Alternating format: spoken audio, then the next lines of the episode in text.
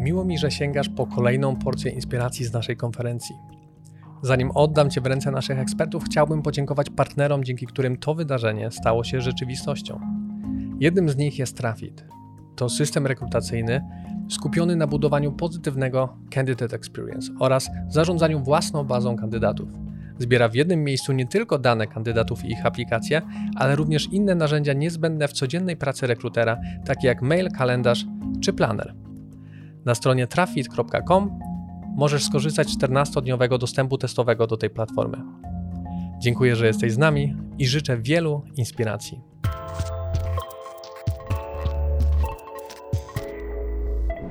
Pytanie, które mamy na dzisiaj, to jest, co odróżnia fenomenalne zespoły od tych po prostu dobrych. I mamy takie trzy zagwostki. Zagwostka numer jeden. Jak to jest możliwe, że w wyzwaniu kreatywnym, nawet w wyzwaniu inżynieryjnym, CEO, grupa CEO przegrywa z przedszkolakami?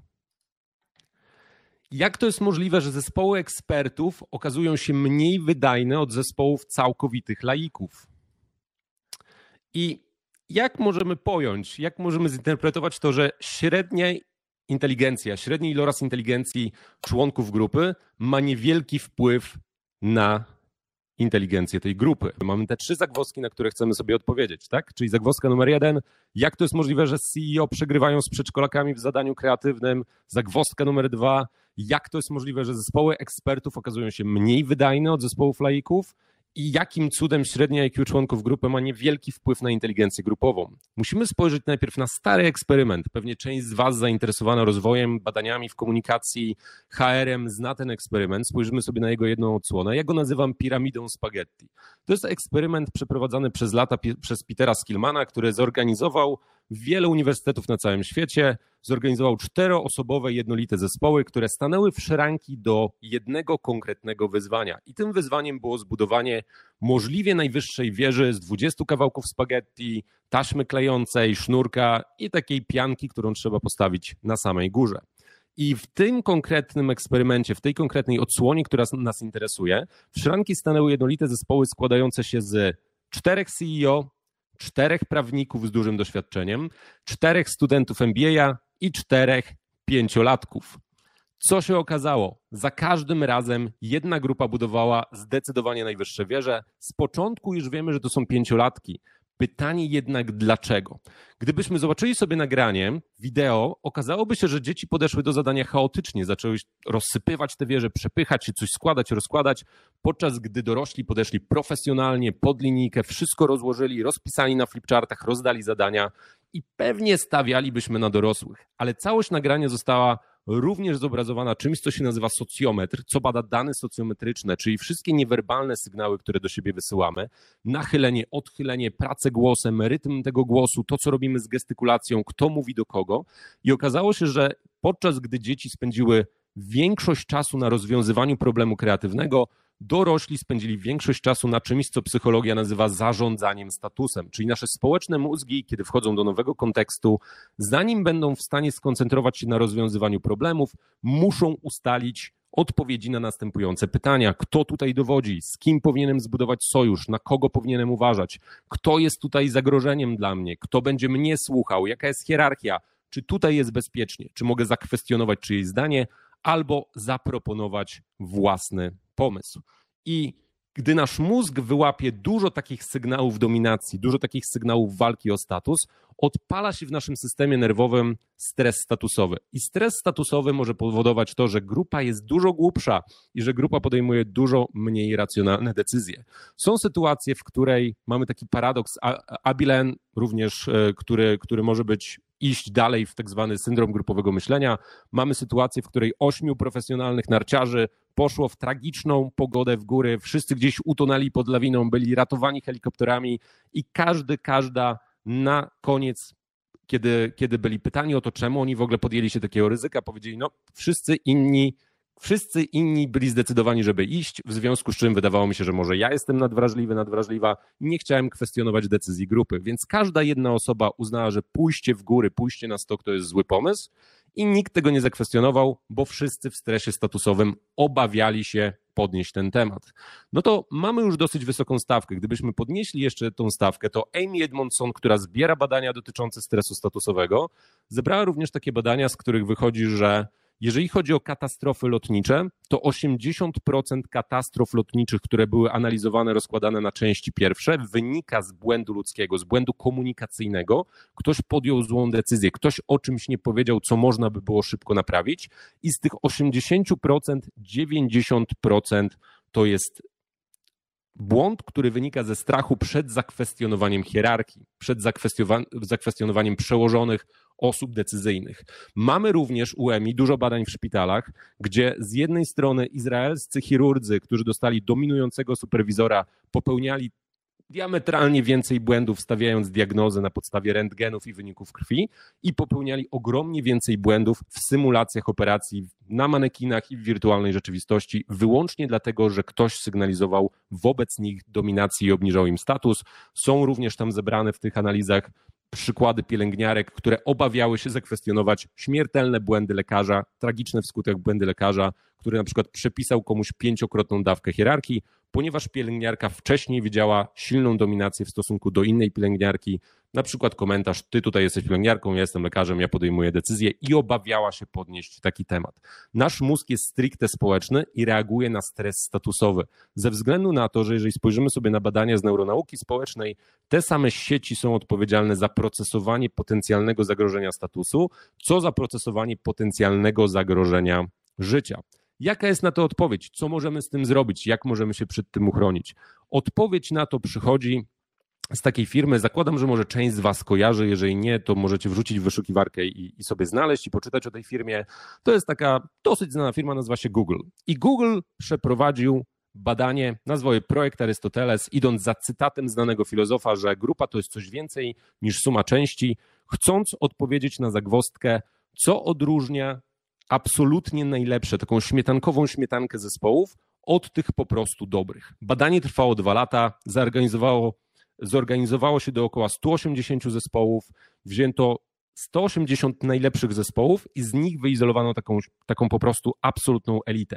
Było zaangażowanych 37 tysięcy pracowników, socjologów, psychologów, statystyków, ekspertów od HR-u wybrano najlepsze grupy pod kątem wyników sprzedażowych, badań jakościowych, ilościowych, błędów w kodzie, oceny kreatywnych ich projektów, tego jak się z nimi współpracuje, tego jak generalnie radzą sobie na różnych rynkach, ale nie, nie mogli nasi badacze znaleźć żadnej odpowiedzi na to, jaki jest jeden albo kilka takich statystycznie istotnych czynników odróżniających te najlepsze grupy. Silny lider? No nie, bo w śmietance były zarówno grupy, które nie miały silnego lidera, które miały płaską hierarchię albo taką fluktuującą hierarchię, oraz grupy hierarchicznie twardo zarządzane. Może to, czy wszyscy razem pracują w biurze i widzą się codziennie, czy to jest rozproszony zdalny zespół? No zupełnie nie, bo i takie i takie zespoły były w elicie. Może to, czy ludzie mają przyjacielską relację poza pracą? Również nie. Może to, czy to są zespoły doświadczonych osób w branży, które są już wiele lat w branży, kontra zespoły laików, ludzi, którzy dopiero odnajdują się w tej przestrzeni? Też nie. Zagwostka trwała przez jakiś czas, dopóki grupa nie znalazła, grupa badaczy nie znalazła badań dotyczących norm grupowych. I okazało się, że jeżeli sobie przyłożymy miarkę norm grupowych do tych zespołów, czyli tego, w jaki sposób grupa się komunikuje, to nie jesteśmy w stanie odpowiedzieć na to pytanie. I normy grupowe, które okazały się, te zasady społeczne, które okazały się istotne w badaniu, to było te pięć zasad, które teraz widzicie na slajdzie, gdzie pierwsza psychologiczne bezpieczeństwo to była absolutnie najważniejsza, z takim wielkim sztandarem, biegnąca na przedzie maratonu, gdzieś pędząca do przodu, i potem dopiero w tyle była wiarygodność, struktura i klarowność, sens i wpływ. Czyli tak naprawdę najważniejszym czynnikiem w tym wielkim badaniu przeprowadzonym przez Google na najlepszych, na najbardziej wydajnych, najbardziej kreatywnych, efektywnych zespołach, tym pierwszym czynnikiem było psychologiczne bezpieczeństwo jako norma w grupie. O tych innych nie mamy przestrzeni porozmawiać dzisiaj, ale na psychologicznym bezpieczeństwu potrzebujemy się skupić. Więc tutaj pojawia się slajd z tym terminem, czym jest psychologiczne bezpieczeństwo. Więc to jest sekunda dla Was, żebyście mogli to przeczytać.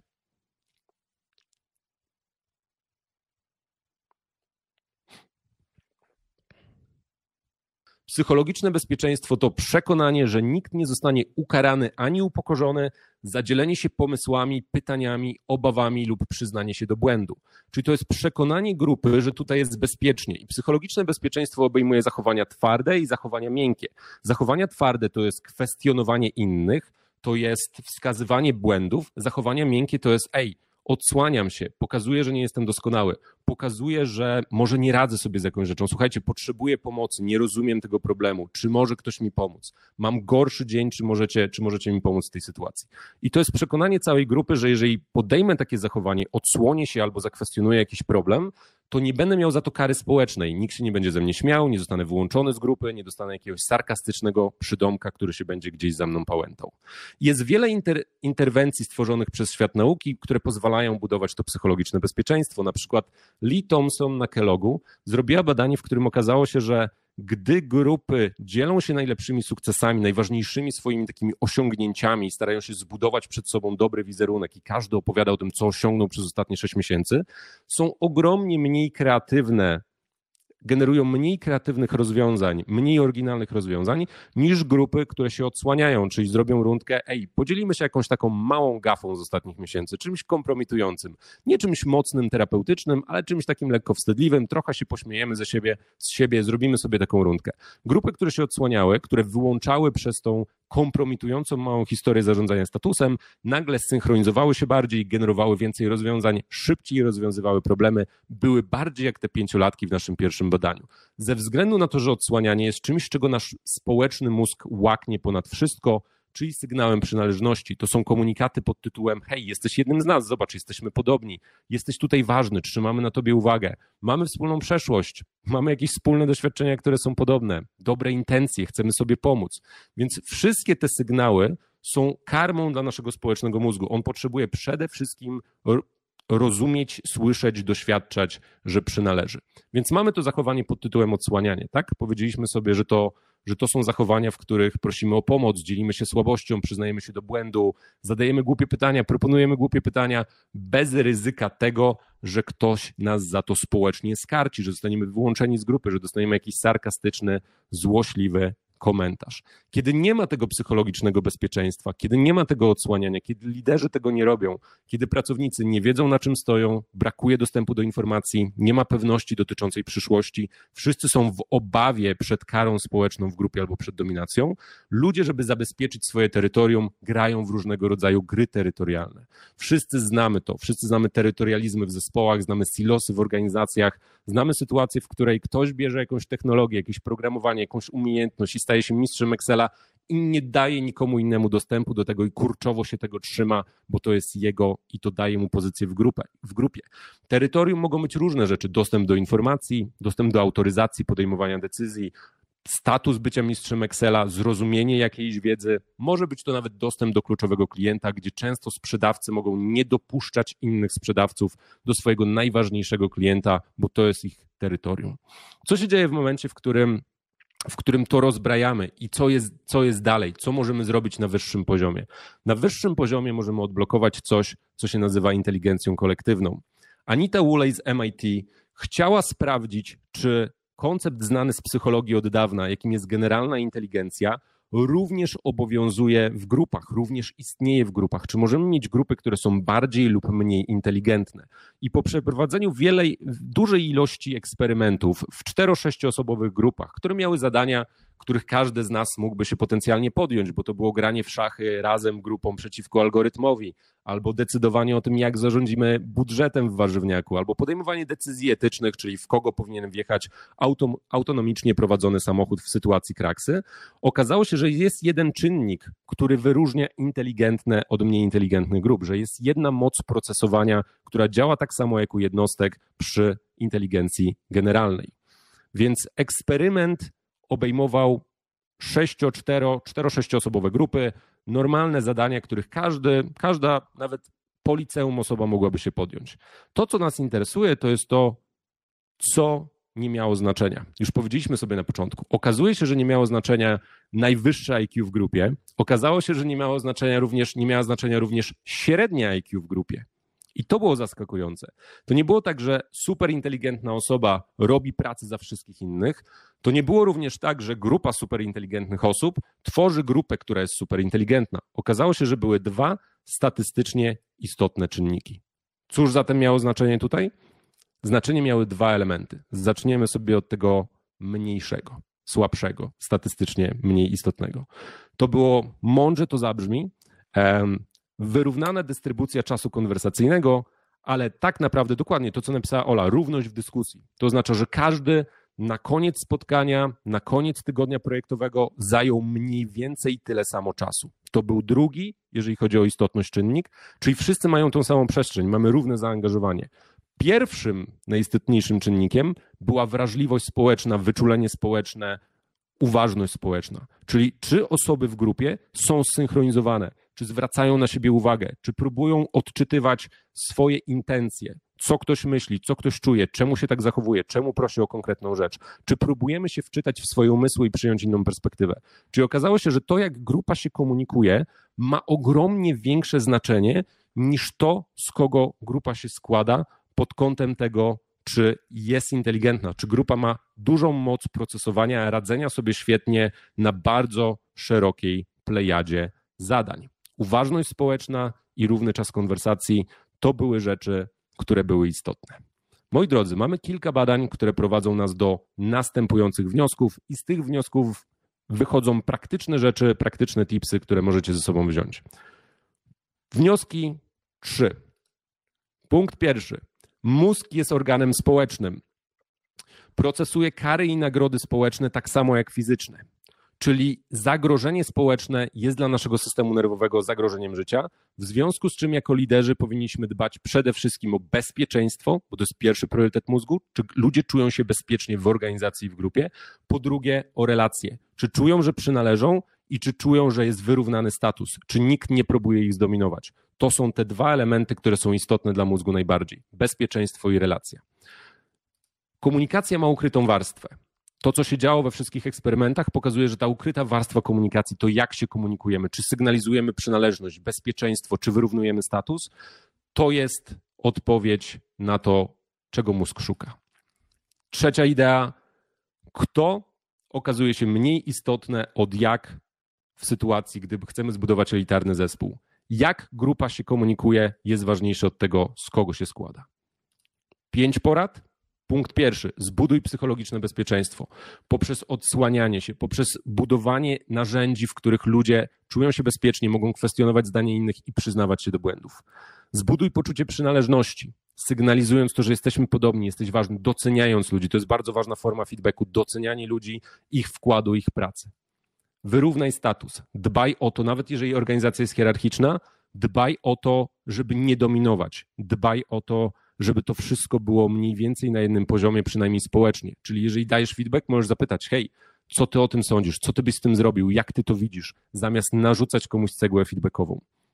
Kolejny element, zadbaj o rozwój kompetencji społecznych. Nie, nieważne, czy to jest zespół programistów, czy to jest zespół grafików, czy to jest zespół osób, które pracują gdzieś introwertycznie.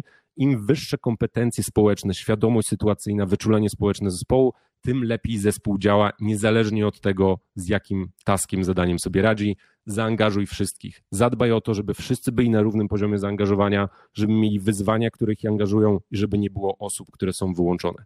Powiedziawszy to, dziękuję Wam bardzo za uwagę. Dzięki wielkie. Pamiętajmy o tym, że mózg jest społeczny i potrzebuje określonych rzeczy, czyli po pierwsze bezpieczeństwo, po drugie przynależność i status i dopiero po trzecie rozwiązywanie problemów, czyli merytoryka.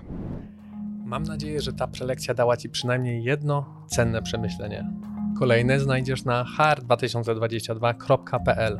A jeśli wciąż będzie Ci mało, to możesz zerknąć do książki Evidence Based HRM, która jest dostępna na stronie ebhrm.pl. Z kodem HR2022 otrzymasz ją 30 zł taniej.